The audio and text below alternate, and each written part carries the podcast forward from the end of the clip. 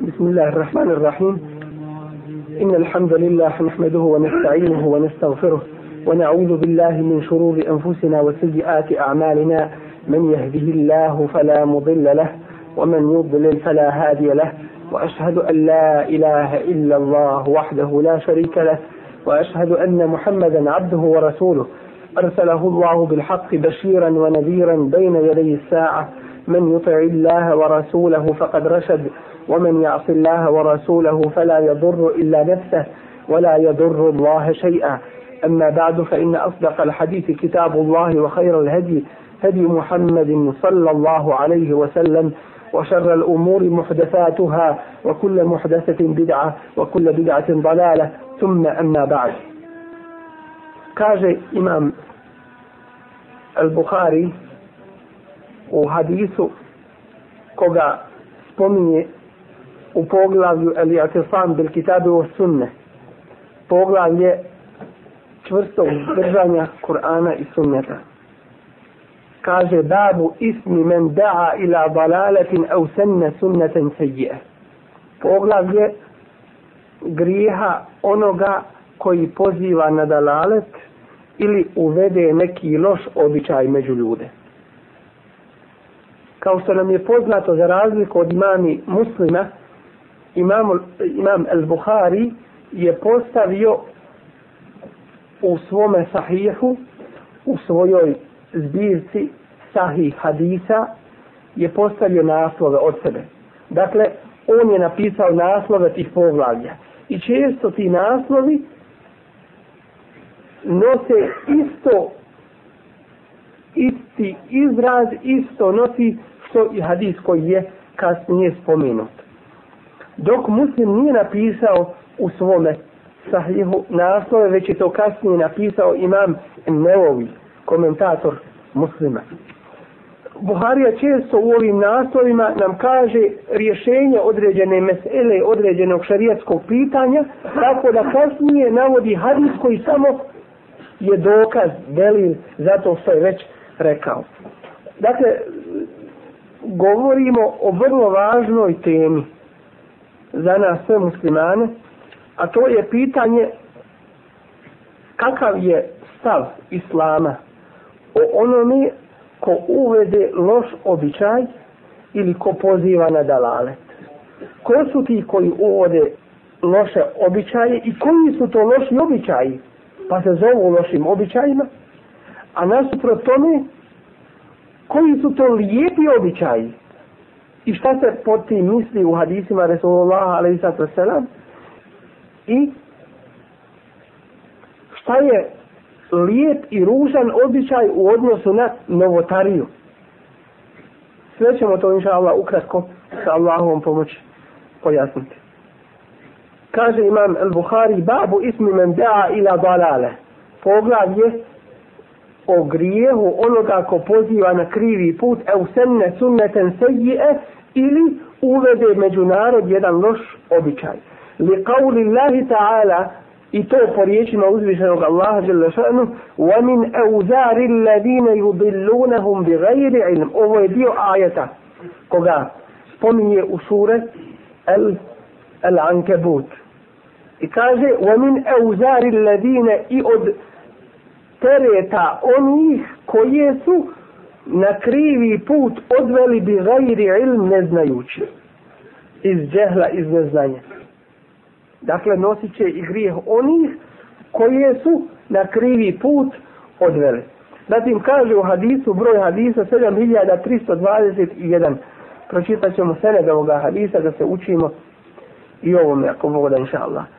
قال الإمام البخاري رحمه الله حدثنا الحميدي قال حدثنا سفيان قال حدثنا الأعمش عن عبد الله بن مرة عن مسروق عن عبد الله قال قال النبي صلى الله عليه وسلم قال رسول الله عليه الصلاة والسلام ليس من نفس تقتل ظلما إلا كان على ابن آدم الأول كفل منها وربما قال سفيان من دمها لأنه سن القتل أولا قالوا من حديث رسول الله عليه الصلاة والسلام ليس من نفس تقتل ظلمة ko, ko god bude ubijen na ovome svijetu nepravedno, zulumom, šta znači nepravedno, nije šarijatski propisano da bude ubijen.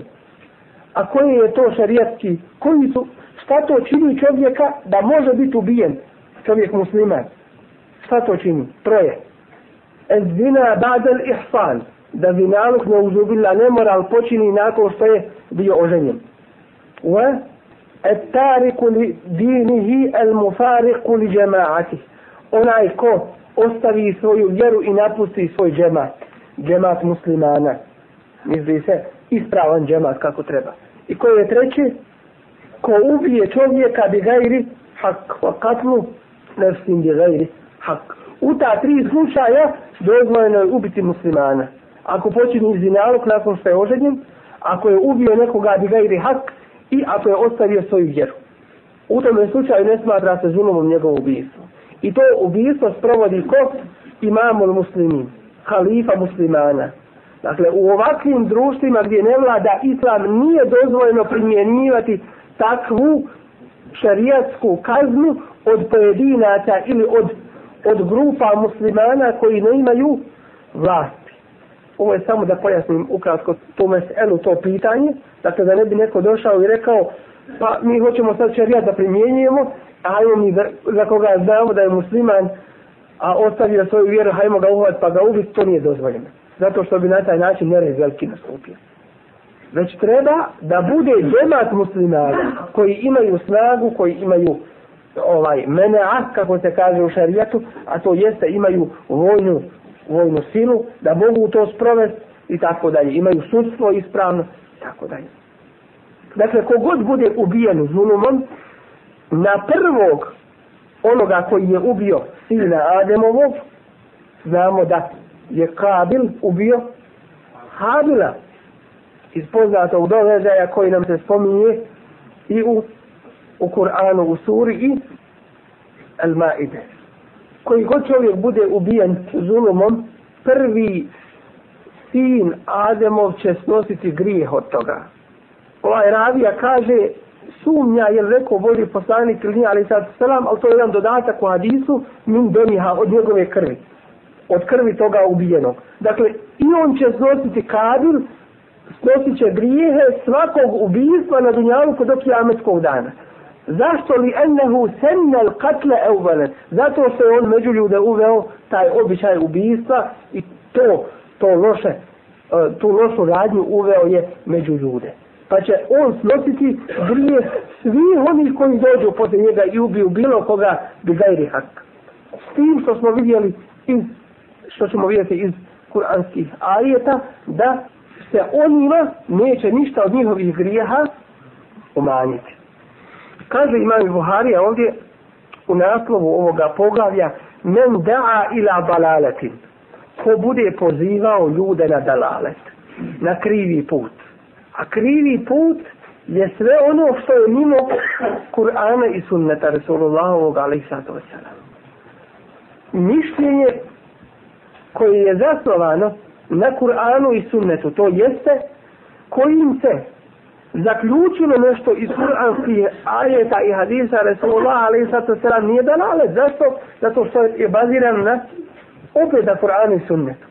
Ali ono što, što ne ima svoje osnove u ajetima i u hadisima Resulullah ali sad to selam, to je dalalet i to je krivi put. Ko bude pozivao na dalalet, taj hadis prenosi ovim ovakvim izrazom, prenosi ga muslim i Ebu Davud i Tirmizi putem El Ala ibn Abdurrahmana od njegovog oca od Ebu Hureyre radijallahu anhu u kome kaže Resulullah wasalam من دعا إلى هدى كان له من الأجر مثل أجور من تبعه لا ينقص ذلك من أجورهم شيئا što u prevodu znači men da ila huda ko bude pozivao na pravi put ljude.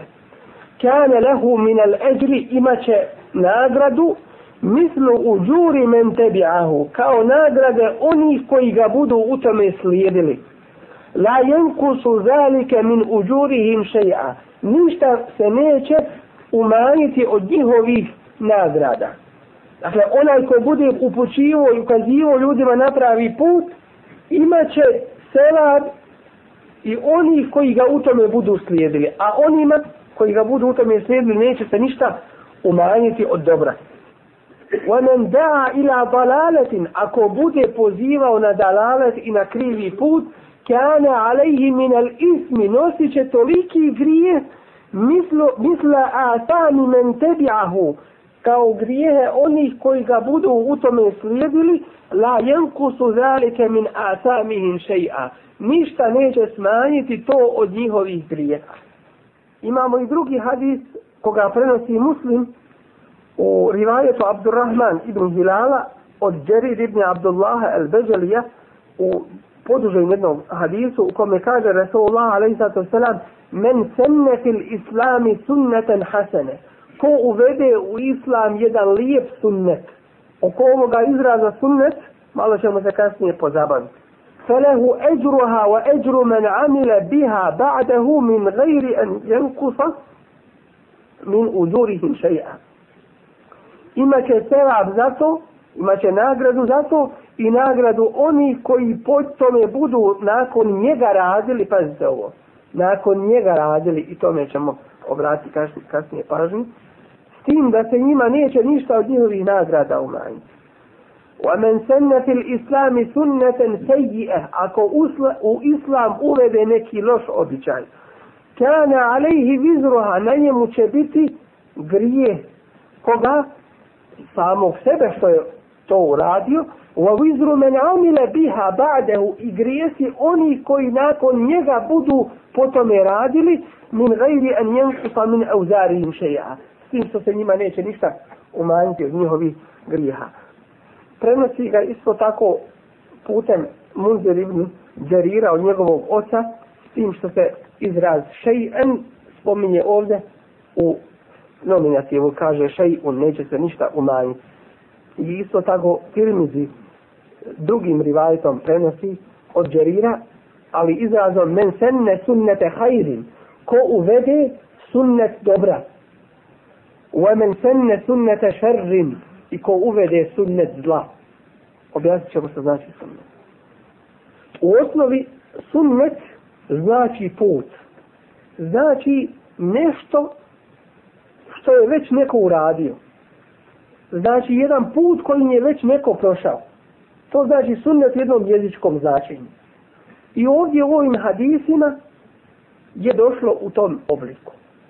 U smislu, ko uvede u islam jedan loš sunnet, jedan loš običaj.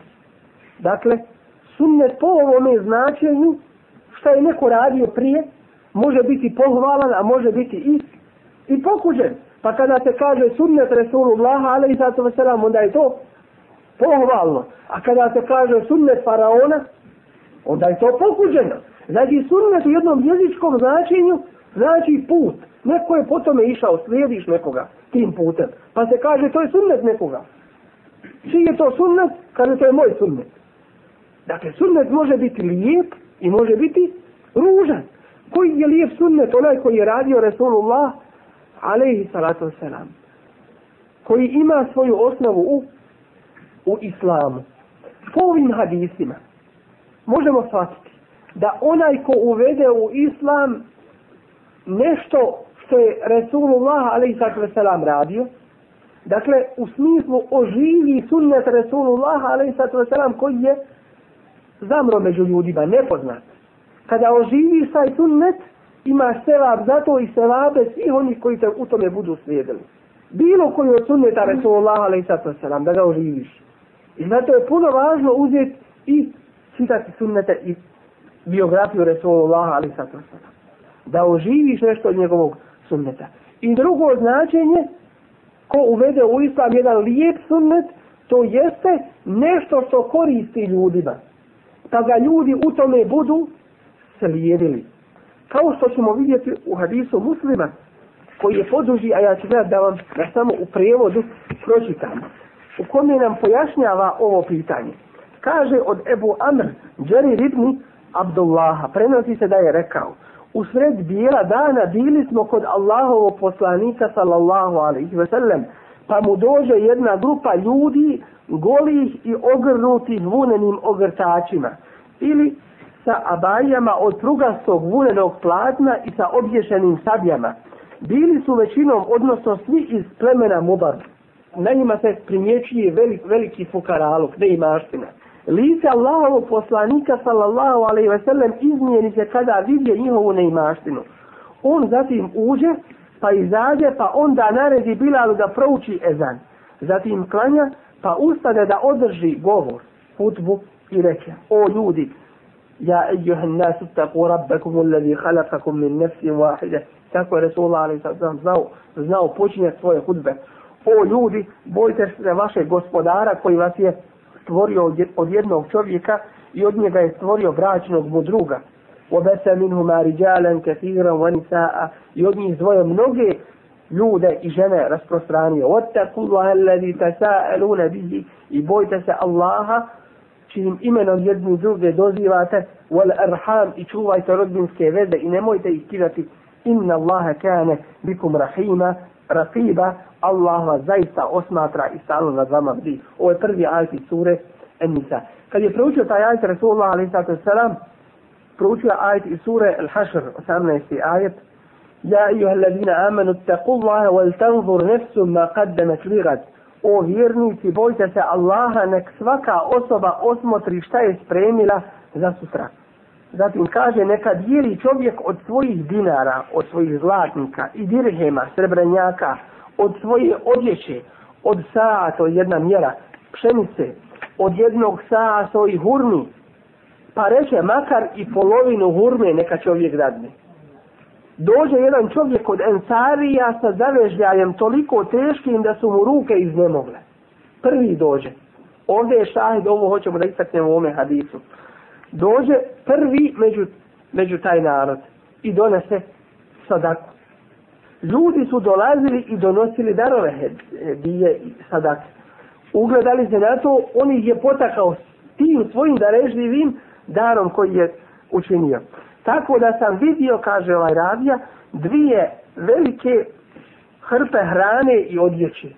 Lice Allahova poslanika, ali sad selam, zbog toga je tako zasjelo kao da je pozlačeno. Poslanik, ali sad selam, reče tada taj hadis. I ovo se zove u hadijskoj nauci esbabu hurudil hadis. Uzrok zašto je jedan hadis rečen. Često moramo znati zašto je određeni hadis rečen. Da bismo znali da protumačiti u određenom smislu, u određenom kontekstu, ko što znamo da ima esbabu nuzulil Kur'an, uzrok objave određenih ajeta u Kur'anu. Nešto se desilo, pa je Allah objavio taj ajet. Tako i ovo. Nešto se desilo, pa je Resulullah a.s. rekao određeni hadis. Kad znamo uzrok šta, toga šta se desilo, uzrok ovoga hadisa, kad znamo događaje, koji su bili povodom da se kaže određeni hadis, onda nam je lakše shvatiti i značenje samog hadisa. Nakon ovog događaja Resulullah ali sad sam kaže ko uvede jedan lijep običaj u islam imat će za to nagradu, a i nagradu za sve one koji poslije njega to budu radili. Dakle, on je taj ensarija, naveo je druge da dadnu isto sadaku.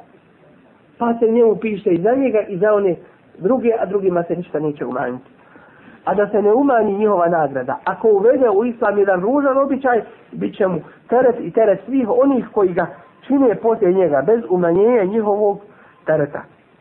Dakle, iz ovog hadisa vidimo koliki je serab, kolika je nagrada da se uvede nešto od dobra, bilo da se oživi međunarod, bilo da se oživi sunnet Resulullah alaih sallam koji je zamro među ljudima ili neko dobro da čovjek bude inicijator da potakne ljude u tome dobro.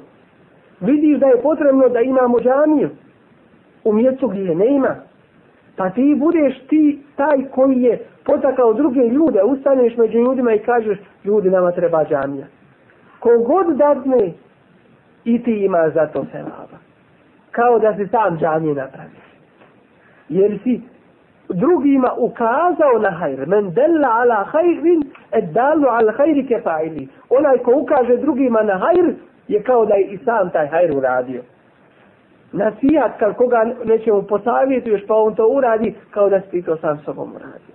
Dakle, tolika je, toliki je selav od toga.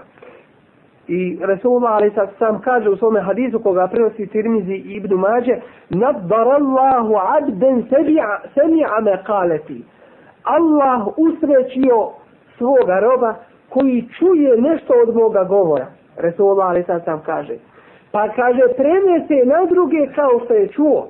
Pa možda će onaj kome je on premio to bolje razumiti to što sam ja rekao nego taj koji je to premio. Dakle, kada ukažeš na hajr, imaš sevap od toga, a Resulullah ali sad sam pored ovoga što nam kaže da prenosimo njegove hadise, kaže u drugom e, rivajetu, kaže belegu anni walau aje prenesite od mene makar to bio jedan ajet ovaj hadis prenosi Buharija. Dakle, i ajete i hadise Resulullah, a.s. na nama je da prenosimo to. I ne ima mjesta nimalo govoru onih koji kažu niste vi alim da vi možete prenositi ajete i hadise.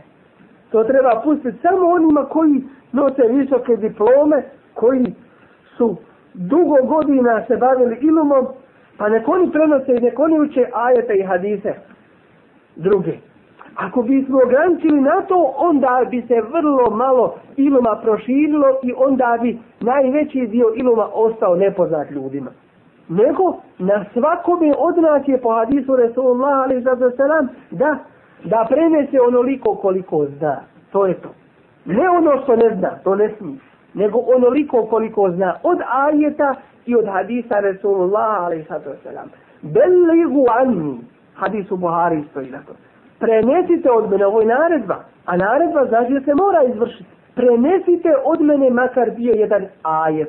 Onoliko koliko znaš, toliko na druge prenesi. Onda je svakako razumljivo istoga da je tvoja dužnost prvo da znaš, pa onda na druge da, da svakako prenosiš. I kaže, Resulullah alaih sad sam u hadisu koga prenosi i Buharija i Muslim, dakle mutefakun alaihi, men yuridillahu bihi hajran yufaqihu fi din. Kome Allah tjedne dobro, nauči ga razumijevanju vjere. Nauči ga razumijevanju vjere, jer je razumijevanje vjere u stvari put do, do rada ispravnog po vjeri svakako. Sa druge strane, vidjet ćemo da je veliki grijeh pozivati ljude na krivi put. I da će takvi snositi odgovornost i za sebe i za one koji, koji su na krivi put odveli, a onima se ništa umanjiti od njihovi grijeha neće. Kaže Resulullah a.s. u hadisu koga prenosi Eddarini i Ebu Davud i koji je Hasan dobre predaje dobrog seneda, kaže men efta bi gajri ilmin kane ismuhu ala men estahu. Ko dadne fetvu i dadne neko šarijatsko rješenje, bi gajri ilm bez znanja, kane ismuhu ala men estahu. Grijeh je na onoga komu je dao tu fetvu i komu je to odobrio, komu je to ođajezio, komu je dao takvo rješenje.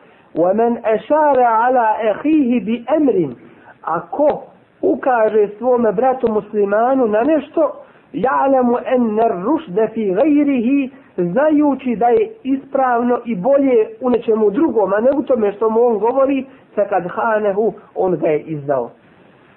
On ga je prevario, on ga je obmanuo i, i izdao. Pogledajmo u suri El Ankebut, u ajetu koji smo malo prije citirali. Podrobnije šta nam Allah kaže o onima koji odvode na krivi put i koji govore vjeru po svojim prosjevima. A vjeru propisuje samo Allah i niko drugi. Da vidimo šta nam Allah uzvišeni kaže u ovim ajetima. وَقَالَ الَّذِينَ كَفَرُوا لِلَّذِينَ آمَنُوا I kažu oni koji ne vjeruju. Šta znači koji ne vjeruju? Ne znači samo da je za nijeko Allaha. Šeitan ne vjeruje. A šeitan je od onih koji su najviše ubijeđeni u postojanje uzvišenog Allaha. Jer je govorio sa uzvišenim Allahom. Jer kaže, kale rabbi, i reče šeitan, Allah nam to prenosi, gospodaru moj, enzirni ila jevmi jubatun, ostavi me živog do dana preživljenja. Pa šeitan kaže Allahu obraćajući se gospodaru moj.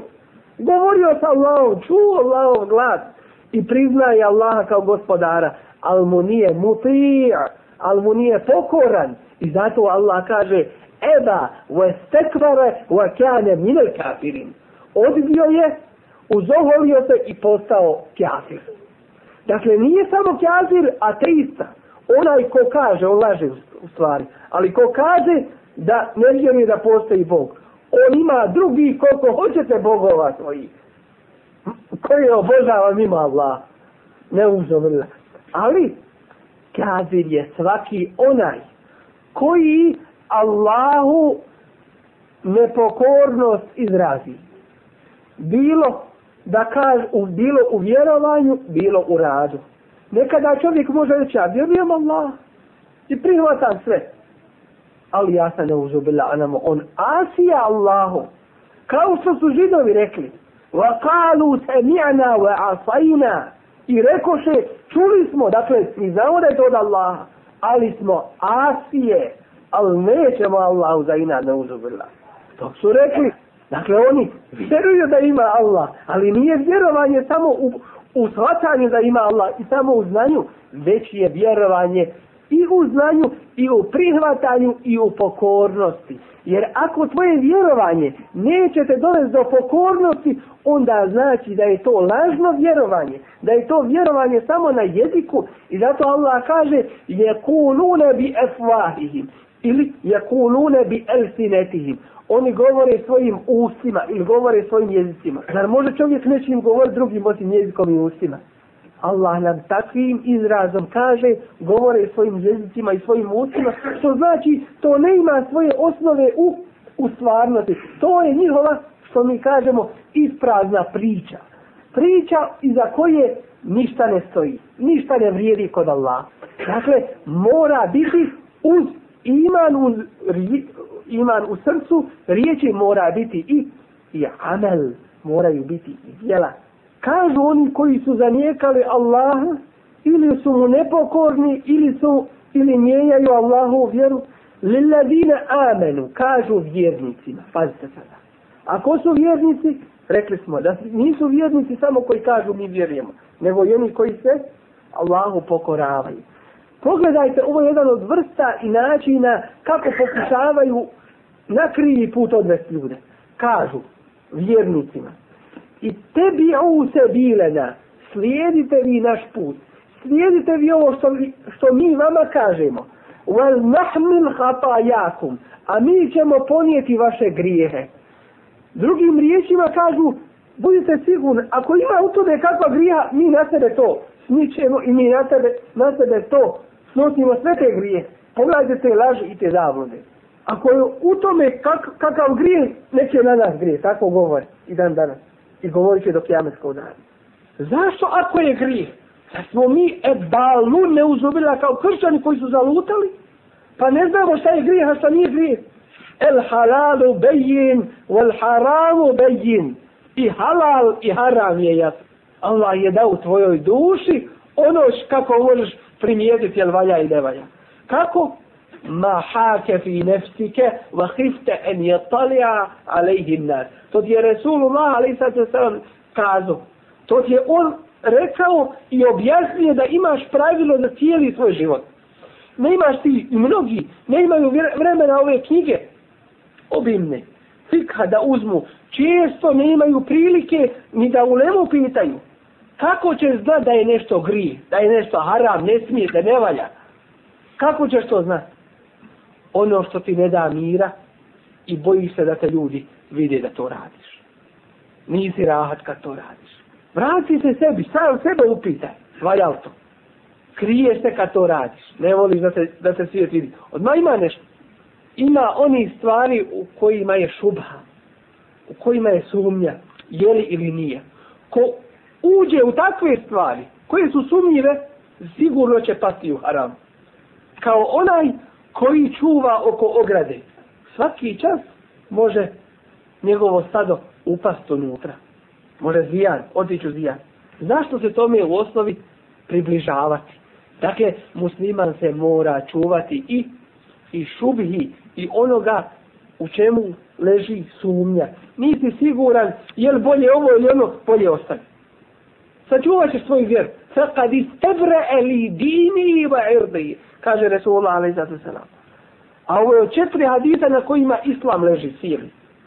Ko se bude klonio šubhi i sumnjivi stvari, sačuvao je dini i svoju vjeru, ve irdihi i svoju čast, svoj obraz. Pazite da nastavimo ovaj ajet. Oni govore mu'minima, slijedite vi naš put, a mi ćemo grijehe vaše snositi. وَمَا هُمْ بِحَامِلِينَ مِنْ خَطَايَاهُمْ مِنْ شَيْءٍ Ništa oni neće, to jest na kijametskom danu, htjeti ponijet od njihovih grijeha, jer će se oni o sebi zabaviti na kijametskom danu.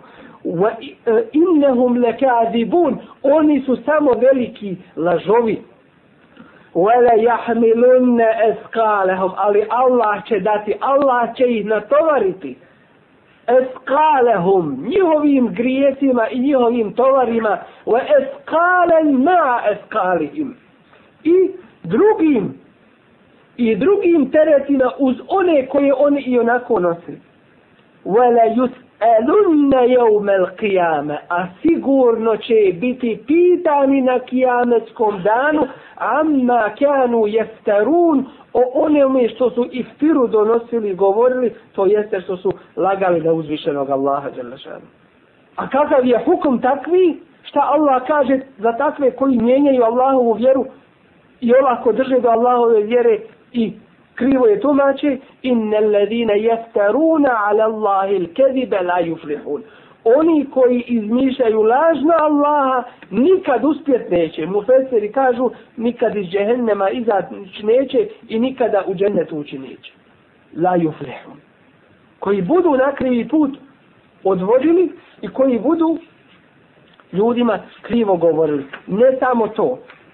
Je jedna napomena vrlo važna u ovome svemu. A to je nekada čovjek ne tumači krivo, ali učestvuje u tuđem dalaletu. Neko će postaviti pitanje kako ja mogu biti odgovoran za nešto što nisam uradio. Da li će čovjek biti bit pitan za nešto što nije uradio? Hoćeš, bit ćeš pitan za nešto što nisi uradio ako si to trebao uraditi. I ako si to bio dužan uraditi. I zato svako ko zna, ne samo ulema, ne samo učeni, već i oni koji su naučeni, onoliko koliko su naučeni, dužni su prenijeti na druge. Jer ako budeš šucio i ne budeš tumačio Allahu vjeru, onda gdje si pozvan i dužan da je objasniš ljudima, pa ljudi budu krivo radili i ti snosiš njihov grijeh. Jer si učestvovao u njihovom dalaletu. Šta je za to delin? Šta je za to dokaz? Kur'an uzvišen. Kur'anski ajet إن الذين yaktumuna ma anzalna min al-bayyinati wal-huda. Oni koji budu sakrivali ono što smo mi objavili od jasnih dokaza i pravoga puta min badima bejenahu lin nasi fil kitab. Nakon što smo to ljudima u kitabu obejanili i jasno kazali. Ulaike alladina jel'anuhumullahu to su oni koje Allah proklinje. zbog čega ih proklinje što su to uradili zato što su šutili zato što nisu objašnjavali istinu. Jer ova vjera je veliki iman. وَيَلْعَنُهُمُ اللَّعِنُونَ I proklinju i svi oni koji mogu da proklinju. إِلَّا الَّذِينَ تَابُوا Osim oni koji te obe dođu, pokaju se. وَأَصْلَحُوا I poprave svoja djela. وَدَيَّنُوا I ljudima obejane i kažu, izađu pred svijet i kažu ovo je istina, nije ono što sam prije govorio. Ili što sam šutio fa je tubu alihim, Allah kaže takvima ću ja te obe doći i prihvatiti njihovo pokajanje dakle nekada čovjek može učestvovati u tuđim dalaletu svojom šutnjom jer vidimo u hadisima Resulullah alaihissalam da su njegove riječi njegova djela i njegova šutnja isto tako šerijatski dokaz ako je vidio da se nešto radi a ušutio Znači, kaže Ulema, to je svojom šutnom Boži poslanik, ali sad sam odobrio. I tako i kod nas. Kad neko u našem društvu nešto uradi, a mi ušutimo na tome, onda će neko doći i reći, e taj i taj uradio u društvu toga i toga, a on nije ništa rekao. Znači da je to u redu. A on je učenili od toga i tako dalje. Ili, ko što će neki reći, pa gdje je do sada ulema bila? Što do sada ulema to nije objašnjavala? Šta je sa, sa ulemom koji su bili prije? Objašnjavala je ulema. I ako otvorimo kitabe, vidjet ćemo da su o svemu i svačemu govorili. Samo što se nastojalo i nastoji od strane neki da se pokrije to. Da se, da se ne zna za to. Da se ljudi zabave drugim pitanjima i drugačijim poslovima. A onaj, alhamdulillah, ko se na Allahovom putu potrudi, ko bude uzrokom nečije upute sa druge strane, imaće zasigurno nagradu za to i za sebe i za druge koji su ga u tome slijedili. Pogledajmo kuranski ajit u kome Allah uzvišeni kaže u sura At-Tur, ajet 21. وَالَّذِينَ آمَنُوا I oni koji budu vjerovali. وَاتَّبَعَتْهُمْ ذُرِّيَّتُهُمْ بِإِيمَانِ Svakako je radili dobra djela i budu i njihove porodice, njihova djeca budu ih slijedili u tome imanu. Elhaqna bihim zurrijetahum. Mi ćemo im pridružiti njihov porod, njihovu djecu. وَمَا أَلَتْنَاهُمْ مِنْ عَمَلِهِمْ مِنْ شَيْءٍ a njihova dijela nećemo nimalo umanjiti. Šta to znači? Ako si i ti i tvoje dijete od dženetulija, ali svakako da znamo da sve što si uradio na Dunjaluku, da za sve to od dobra ima nagrada na Ahiretu. Pa ako si jedan put la ilahe illallah rekao više nego tvoj sin i tvoje dijete, više na većem stepenu nego on. A ti bi volio da je tvoje dijete s tobom. E, Allah daje da, da budu tebi pridruženi. Oma eletnahum min amalihim min še, a neće se ništa umanjiti od tvojih dijela. Božja blagodat. Jer si bio uzrokom u njihovom imanu, u njihovom vjerovanju. Pa će vas Allah sastaviti u džennetu na onom većem stepenu. A neće se nikome ništa oduzeti. A onome ne uzubila ko je u dalaletu učestovao, on će snositi i svoje grijehe i grijehe oni koji je zaveo bez znanja. Da još malo objasnimo šta znači e, loš sunnet. Šta to znači? To znači uvesti nešto među ljudima od običaja što je loše. Kao što smo vidjeli da će snositi grije svih ubistava zulumom koja, koja će biti učinjena do kijametskog dana, snosit će ih ko? Onaj Ademo, ali se sin koji je prvi ubio. Dakle, ko uvede neki loš adet među ljude. I drugo, ko učini neki bidat pa ga ljudi u tome bidatu, u toj novotariji budu slijedili. I zato je vrlo opasno. Ne samo da čovjek uvede neku novotariju u vjeru, već je vrlo opasno da radi po novotariji pa, ga, pa se u njega drugi ugledaju. Pogledajmo ovdje, kaže El Muhallab, u komentaru ovih hadisa koje smo spomenuli. Ovi hadisi nas upozoravaju da se klonimo dalaleta i da se dobro čuvamo novotarija i novih poslova u vjeri i nose u sebi zabranu da se suprostavljamo putu mu'mina, to jeste putu Kur'ana i sunneta.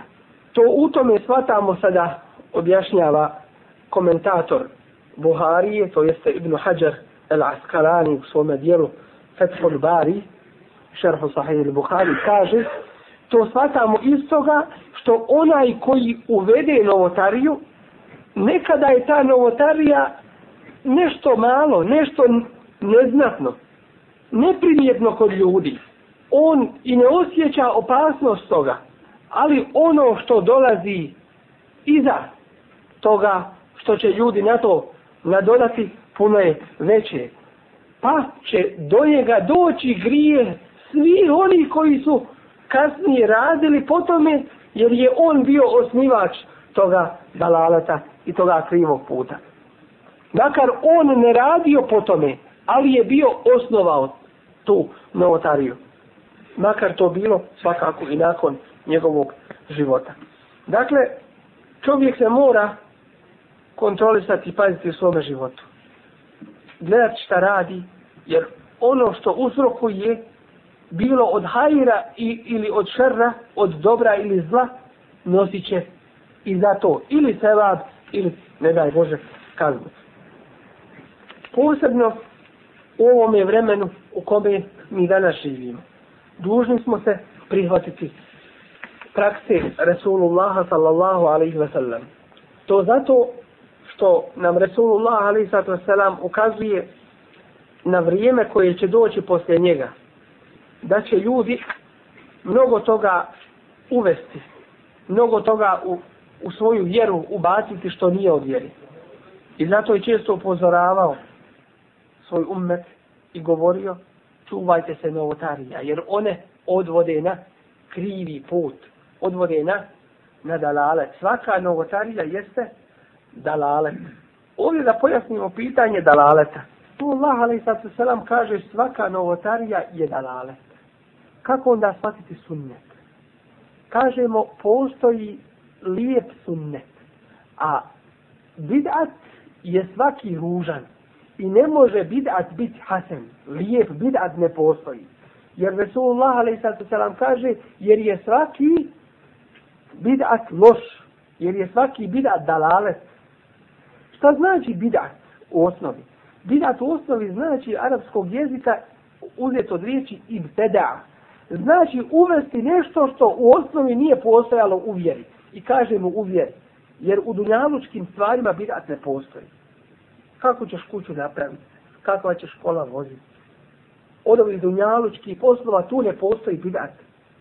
Bidat biva samo u, u vjerskim pitanjima.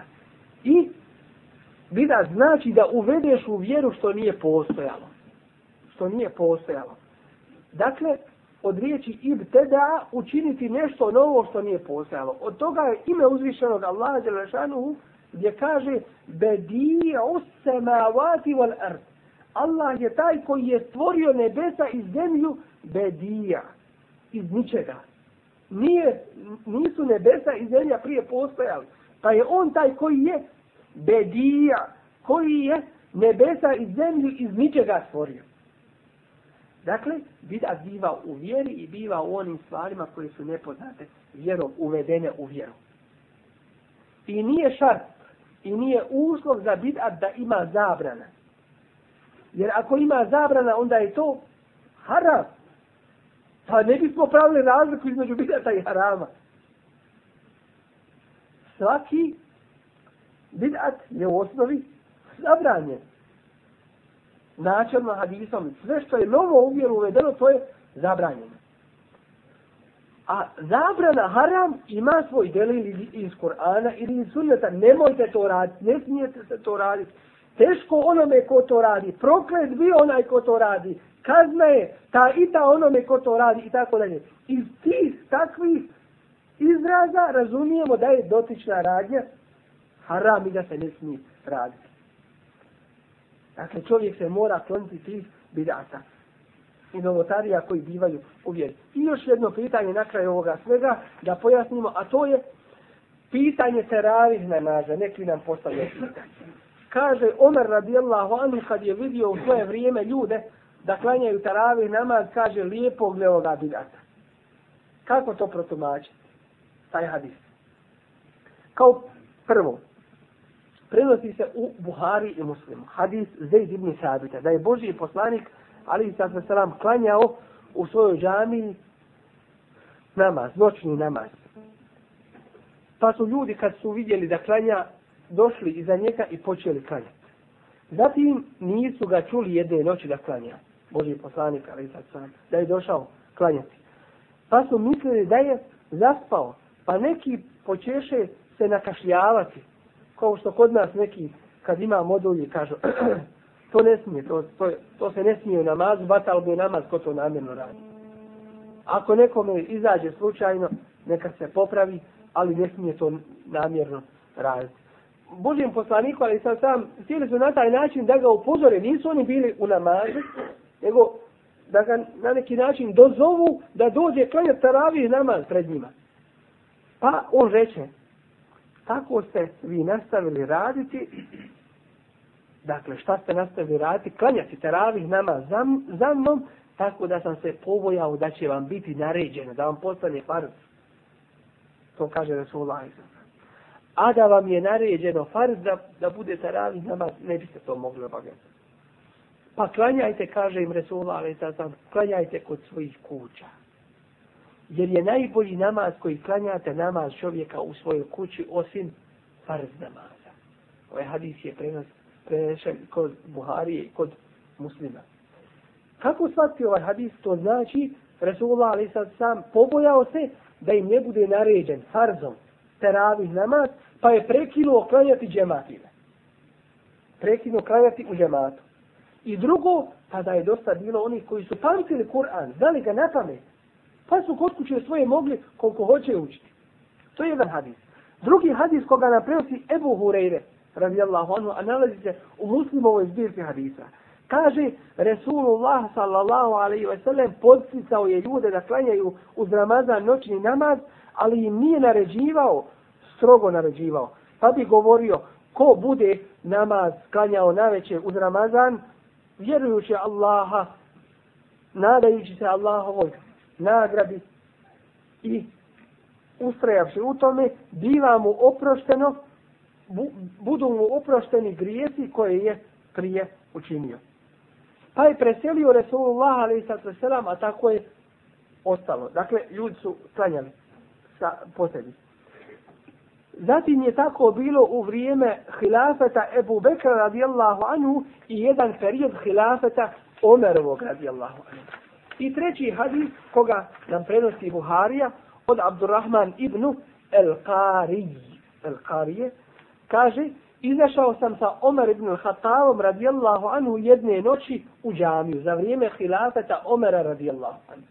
Dakle, za vrijeme Božeg poslanika, ali sad sam samo nekoliko noći klanjali su džematile. I onda je rekao Resulullah alaih sallam, idite i svoj, kod svojih kuća klanjajte. I tako je bilo za vrijeme hilafeta Ebu Bekra radijallahu anhu. I jedan period hilafeta Omera radijallahu anhu. Kada, pogledajte se, kaže ovaj ravija, izašao sam sa Omerom radijallahu anhu jedne noći u mesčin. Kad ljudi u grupama klanjaju, čovjek klanja sam po sebi, čovjek klanja za njim nekoliko ljudi, i tako dalje. Pa reče Omer, da sakupim ove ljude za jednim učačem, bilo bi bolje. Zatim je tako i odlučio i sakupio ih za Ubej ibn Ka'vom. O, njega je odredio da im bude imam u tome namazu. Zatim reče, zatim sam izašao ma'ahu sa njim. Sam izašao, kaže uh, Abdurrahman ibn Kari, izašao sam sa Omerom radijallahu anhu jedne druge noći kad ljudi klanjaju za jednim učačem, za Ubej ibn Kabom. Pa reče Omer, lijepog li ovog bidata? Je li to u stvari bidat? Nije. To je već radio Resulullah alaih sato sa jedne strane. Resulullah alaih sato selam je to radio. Pa kada se poboja da će biti farz, rekao klanjajte u svojim kućama. Da li postoji opasnost da će postati farz za vrijeme Omera radijallahu anhu? Ne postoji jer više vahi ne dolazi. Dakle, to u stvari i nije bidat, ali ga tako nazvao Omer radijallahu anhu, kaže, prije pogledao bidata, a i nije u stvari to. Bidat već ima svoju osnovu kod Resulullah ali sad sam. I isto, hadis Resulullah ali sad sam, u kome nam kaže, men jaiš minkum ba'di fe se jerah tilafen kesira. Ko bude živio poslije mene, vidjet će mnoga razilaženja. Ovaj hadis se nosi Ebu Davud, Tirmizi i kaže da je Hasan sahih. Alejkum bi sunneti, držite se mog sunneta, wa sunneti l'hulefa ir rašidin, i držite se sunneta i prakse hulefa ir rašidina. To jeste ove prve četvrce halifa, jer nam u drugim hadizima Rasulullah ali sad sam pojašnjava koliko će oni vladati. Tako da znamo da ono što oni budu radili, to je i od sunneta Resulullah a.s. Držite se mog sunneta i sunneta Hulefa ir-rašidin, al-mahdijina min ba'di, upućeni halifa nakon mene. Abdu alejha bin nevađiz. Prihvatite se ti sunneta čvrsto kao da ste zubima očnjacima i zagrizli. Ne smijete ih pustiti. Wa iyakum muhdathat al-umur a dobro se čuvajte novi stvari u vjeri fa inna kull muhdathatin bid'a jer je svaka novotarija bid'at wa bid'at iz balale, a svaki bid'at, svaka nova stvar svaka nova radnja u vjeri to je dalalet i vodi na krivi put. Kako vodi na krivi put? Možda i u tvoje vrijeme to neznatno. Nije toliko za tebe bitno. Nešto si malo uradio, ali ljudi na to dodaju toliko da, da se to puno proširi. Navešu vam ovdje jedan događaj za vrijeme jednog od ashaba. Prenosi Eddarini, vjerodostojnim sahih senedom, da je Ebu Musa el-Eš'ari rekao Ibn Mes'udu radijallahu anhu. Vidio sam u džami ljude kako sjede u halkama i iščekuju namaz. Šta dalje radi? U svakoj halki nalazi se po jedan čovjek, a u rukama su im kamenčići, pa on govori, učite tekbir, veličajte Allah, Allahu ekber, stotinu puta, pa oni stotinu puta kažu Allahu ekber. Zatim on ponovo kaže, izgovarajte la ilaha illa Allah stotinu puta. Pa oni izgovore la ilaha illa Allah stotinu puta. Zatim on ponovo kaže, recite subhanallah stotinu puta. Pa oni da u tome slijede i kažu subhanallah po stotinu puta. Pa oni izgovore subhanallah stotinu puta. Na to će Ibnu Mes'ud radijallahu anhu. Zašto im nisi naredio da broje njihova loša djela? Koliko će loših djela tim takvim postupkom zaraditi? Ko bi rekao, šta je to loše? Stigfar, la ilaha illallah, subhanallah, Allahu ekber. Ali na taj način na koji taj zikr obavljate nije u redu. Jer tako Resulullah ali sad sad nije radi. Ko ovo kaže? Najpoznatiji i najpriznatiji ashabi. Ebu Musa je Lešavi i Ibn Mesud, Abdullah Ibn Mesud. Kaže, a ja im garantujem da od njihovih dobrih dijela neće propast ništa. Zašto im treba to da broje po stotinu puta? kameđićima na te načine tako da, da zikre da tako i barete. Jel se boje da će im nešto propast od njihovih dijela? Neće propast, ali neka uzmu i neka pobroje svoja loša dijela koja će dobiti. Zatim je otišao do jedne halke, stao pored njih i rekao, šta to vidim da radite? Odgovorili su, oće Abdurrahmanom, kamenčićima brojimo tekbire, tehlile la ilaha illallah, tezbije subhanallah i tahmide alhamdulillah. A on im je na to rekao, prebrajajte vaša loša, vaša hrđava djela, a ja garantujem da od vaših dobrih djela neće propast ništa. Teško vama, o ummetu Muhammedov, kako brzo srljate u propast.